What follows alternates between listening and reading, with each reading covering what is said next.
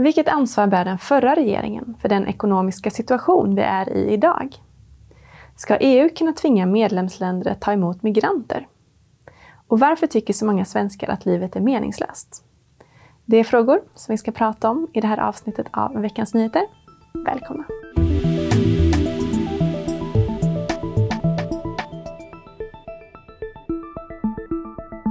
Varmt välkomna till det här avsnittet av Veckans Nyheter. Sven Almqvist hade inte möjlighet att vara med oss idag. Men med mig på länk har jag istället teologen Stefan Gustafsson, direktor för Apologia. Varmt välkommen! Tack så mycket! Roligt att få vara tillbaka. Jag har ju varit med en gång tidigare. Precis, jättekul att du är med igen. Vi ska börja med att prata om något som kan kännas lite tungt och tråkigt, men som berör oss alla, nämligen vårändringsbudgeten. I veckan presenterades den av finansminister Elisabeth Svantesson och den beskrivs som en återhållsam budget. Det innebär att det inte fördelas ut en massa pengar från statskassan i form av stöd och eh, bidrag till hushåll, kommuner och regioner utan att eh, Elisabeth håller ganska hårt i pengarna. Motiveringen som Elisabeth Svantesson ger till det här är att det viktigaste är att hålla ner inflationen. För delar man ut en massa pengar så är det nämligen fler som vill köpa varor och tjänster och då stiger priserna på dem. Nu är det flera olika saker som påverkar inflationen så det har kommit en viss kritik mot att hon håller så hårt i pengarna. Från högerhåll så är man kritisk till att det ges bidrag till de mest utsatta hushållen samtidigt som det inte är några skattesänkningar till de som faktiskt arbetar. Och från vänsterhåll kommer det kritik mot att det inte var större stöd till barnfamiljer och exempelvis klimatet. Nu är du ingen ekonom utan teolog, men vad säger du om det här? Eh, ja, det, eh, det första jag skulle säga är att man, man, kan bli lite trött på den här eh, kritiken som kommer i samband med, med budgetar. Den är ofta ganska förutsägbar. Oppositionspartierna måste liksom kritisera det som läggs. Jag skulle tro att om Socialdemokraterna hade lagt en budget så hade den varit ganska lik den budget som Elisabeth Svantesson nu la fram. Eh, för alla är ju i det här läget överens om att eh, eh, om man inte får ner inflationen Eh, så hjälper det inte att eh, det, sprids ut en, en massa pengar om allting blir dyrare. Då är det ingen som har tjänat på det.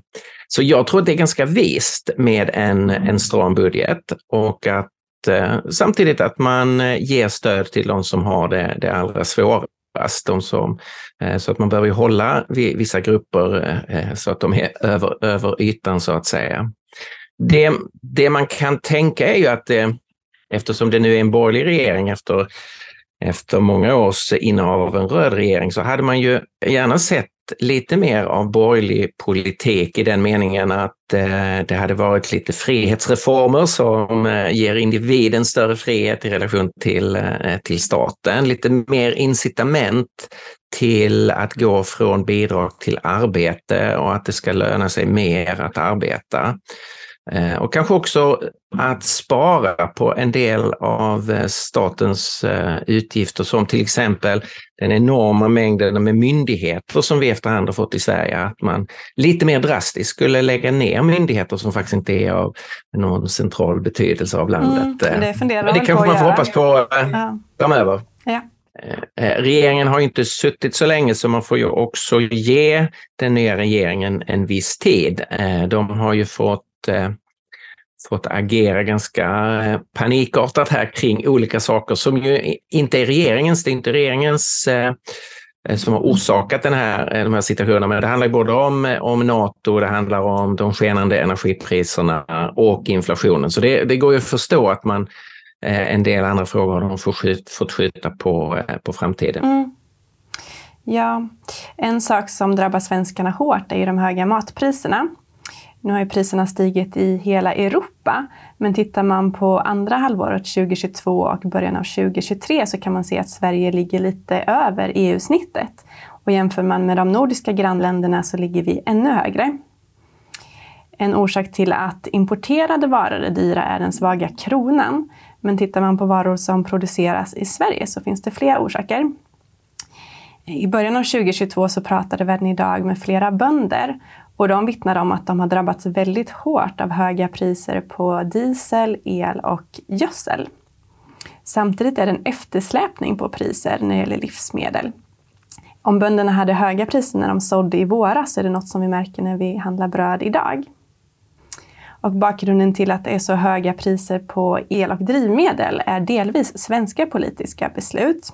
Bland annat så har vi hög reduktionsplikt i Sverige, vilket innebär att en hög andel biodrivmedel måste blandas i i bensinen och dieseln, vilket gör att den blir dyrare. Periodvis har Sverige haft det högsta dieselpriset i hela världen.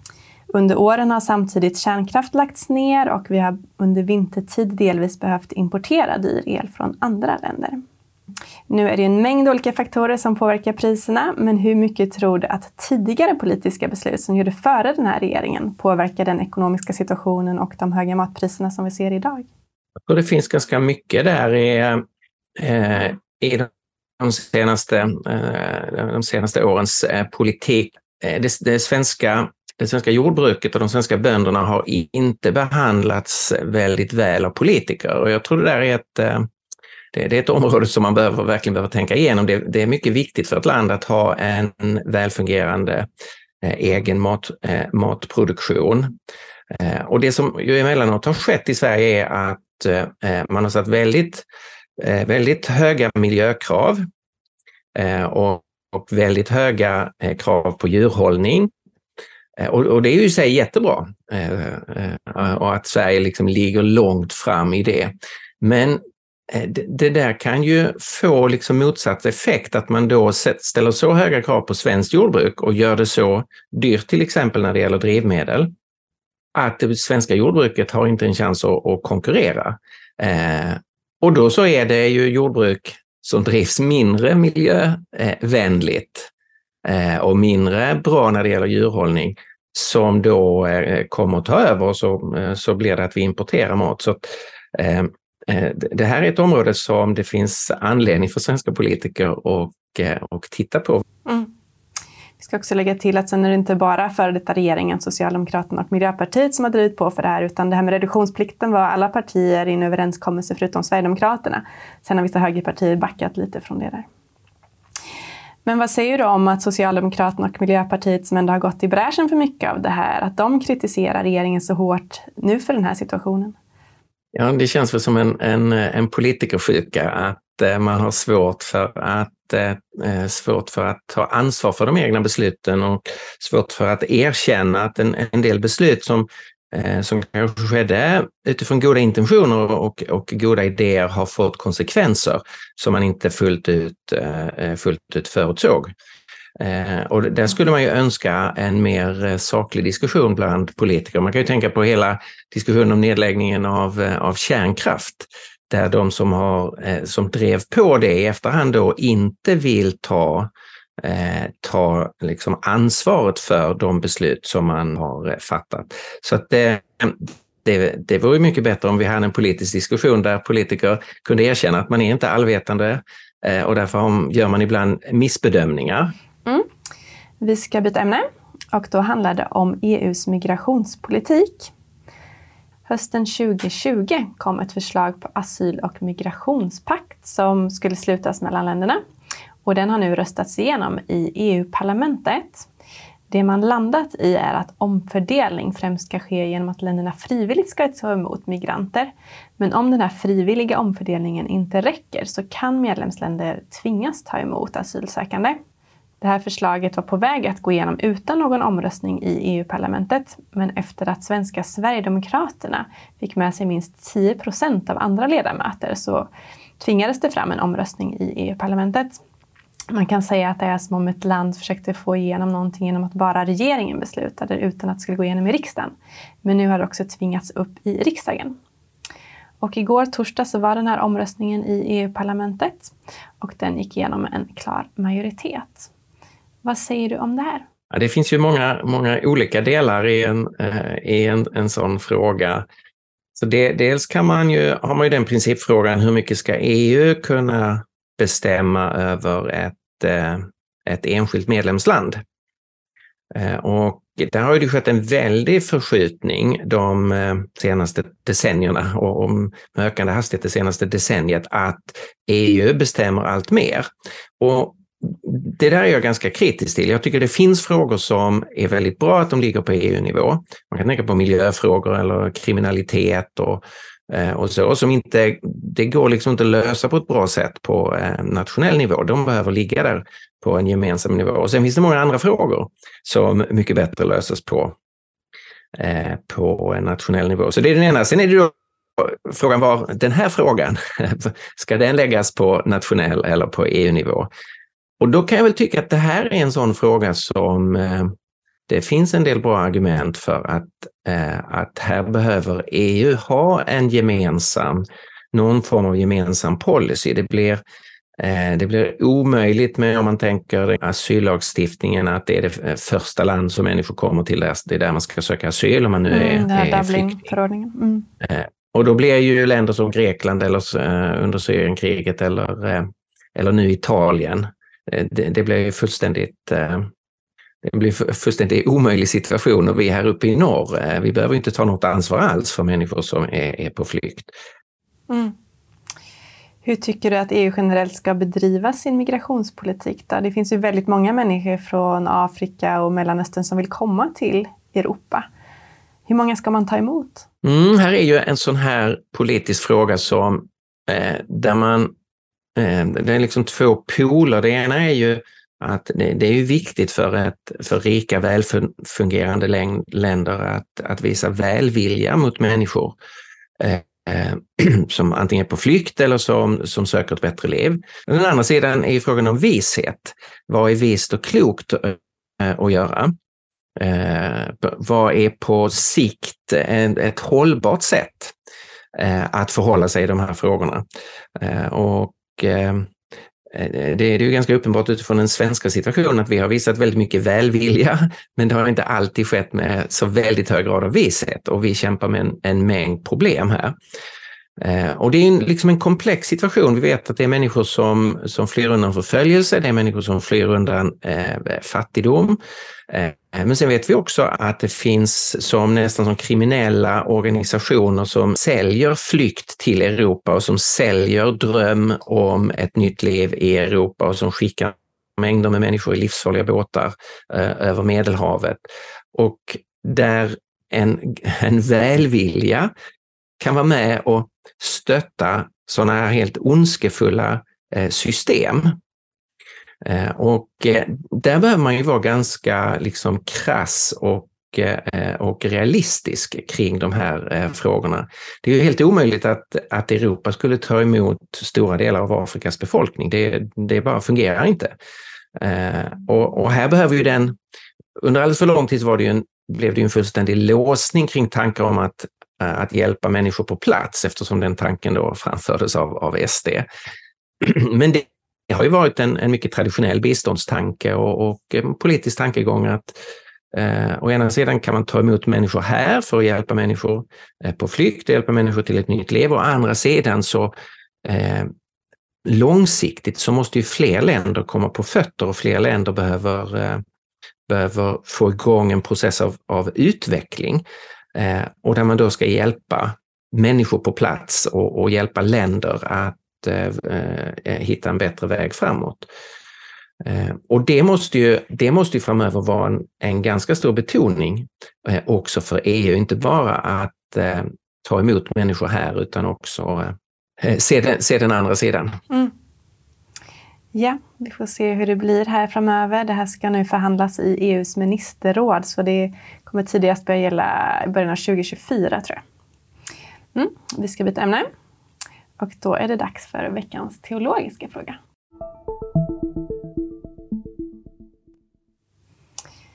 Ja, vi ska gå över till en fråga som både är nyhet och teologi. I veckan har Världen idag berättat att allt fler svenskar tycker att livet är meningslöst. Enligt en undersökning så är det en av fyra svenskar som tycker det, vilket är en fyrdubbling jämfört med för 20 år sedan. Och tittar man på unga män så är siffran ännu högre. Drygt en av tre män i åldern 18 till 30 tycker att livet är meningslöst. Till en början, vad tror du att det här beror på? Det här är ju helt eh, omskakande siffror och det är ju en djup tragedi för en kultur om individer inte längre ser någon mening med sin existens. Det är ju, det är ju liksom slutet för en, för en civilisation, om man inte längre har någonting att leva för. Eh, ytterst sett så tror jag att detta beror på, eh, på sekulariseringen, alltså att vi har eh, avsagt oss Gud och sagt det, det finns ingen Gud. Det finns ingen, ingen skapare som har menat någonting med tillvaron. Och det har ju ofta då presenterats som en form av frihetsbudskap. Att eftersom det inte finns en gud, jippi, nu är vi fria att göra vad vi vill. Nu finns det liksom ingen som står över oss. Det finns inga förtryckande normer som håller oss fast och så. Så det har liksom presenterats som någonting gott.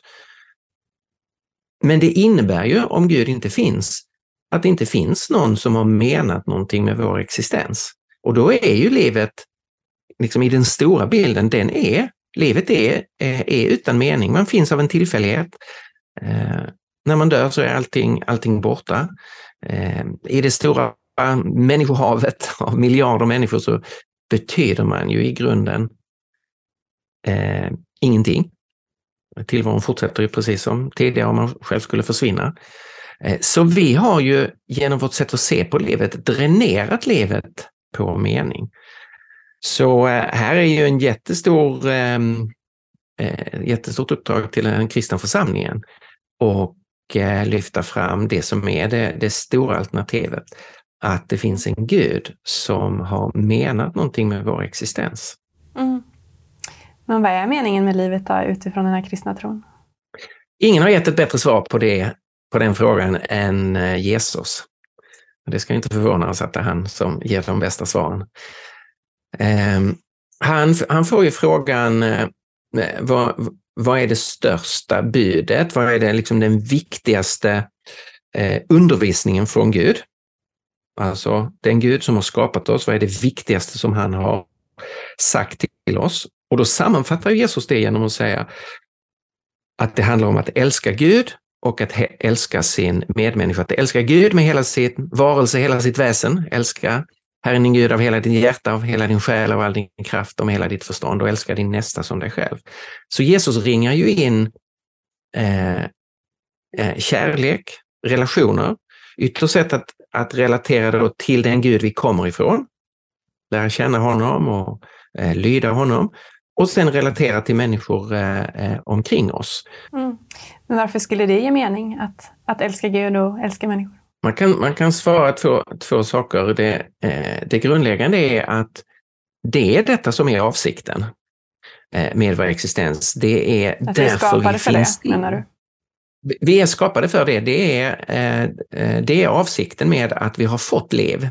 Så eh, om man börjar leva i det, att älska Gud och älska sin nästa, då liksom hittar man hem i det som är själva avsikten med livet. Och dessutom så innebär det ju då att ta på allvar allt det som han har skapat. Om det här är en skapelse så finns det ju en mening med musiken, med smakerna, med, eh, med formerna, med färgerna, med, med allt det som vi har runt omkring oss. Det är inte heller bara en slump att det finns, utan det är någonting som eh, kommer ifrån Gud och som finns till eh, för oss som, som människor. När det gäller männen här, har Bibeln något specifikt budskap till männen när det gäller livsuppgift och sådär? Det, det första jag vill säga här är ju att det är ju en, en väldigt sorglig siffra att det är ännu högre bland männen. Eh, att man eh, inte längre ser en mening med sin existens. Och det är klart att den, den utveckling vi har haft i samhället, eh, som man kan säga mycket positivt om, som med, med jämställdhet och, och och så mellan män och kvinnor. Men den har ju ofta skett med hjälp av en retorik eh, där män har målats ut som eh, den onda delen av, eh, av mänskligheten och vi har gradvis fått ett samhälle där väldigt många män känner sig eh, ignorerade, förbisedda, eh, föraktade, eh, icke behövda som, som män. Så här behöver ju vår kultur verkligen tänka, tänka eh, igenom det här. Vad innebär det att vi är män och kvinnor? När det gäller, när det gäller Bibeln så är det grundläggande perspektivet det är ju att både män och kvinnor är skapade till Guds avbild. Både män och kvinnor har fått del av skapelseuppdraget, alltså var fruktsamma och föröka er. Och det har vi fått tillsammans. man behöver vara tillsammans för att det ska ske, men det har ju också då med familjen att göra, att, att det är tillsammans som man eh, för livet vidare. Och sen säger Gud, lägg den här jorden under er och råd över den. Eh, och det också sägs faktiskt det, både till män och kvinnor, så där görs ju ingen, eh, ingen, ingen dramatisk skillnad att det sägs en viss sak till, eh, eh, till just männen, utan vi har, vi har ju ett gemensamt ansvar.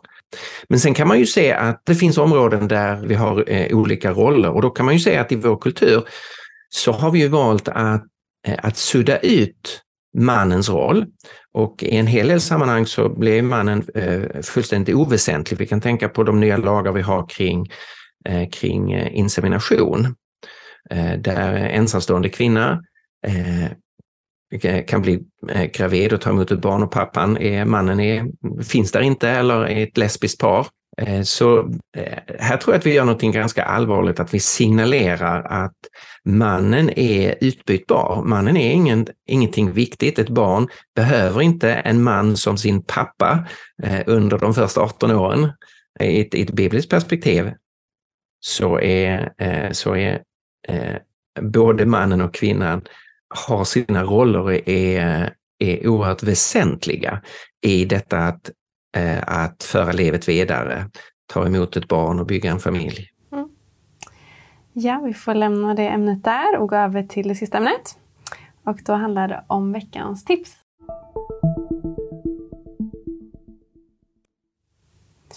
Ja, då har jag bett dig ta med någon bok eller musik eller film. Så vad har du tagit med dig? Jag visste ju att vi skulle tala om den här eh, undersökningen om eh, att människor i Sverige har tappat tron på livets mening.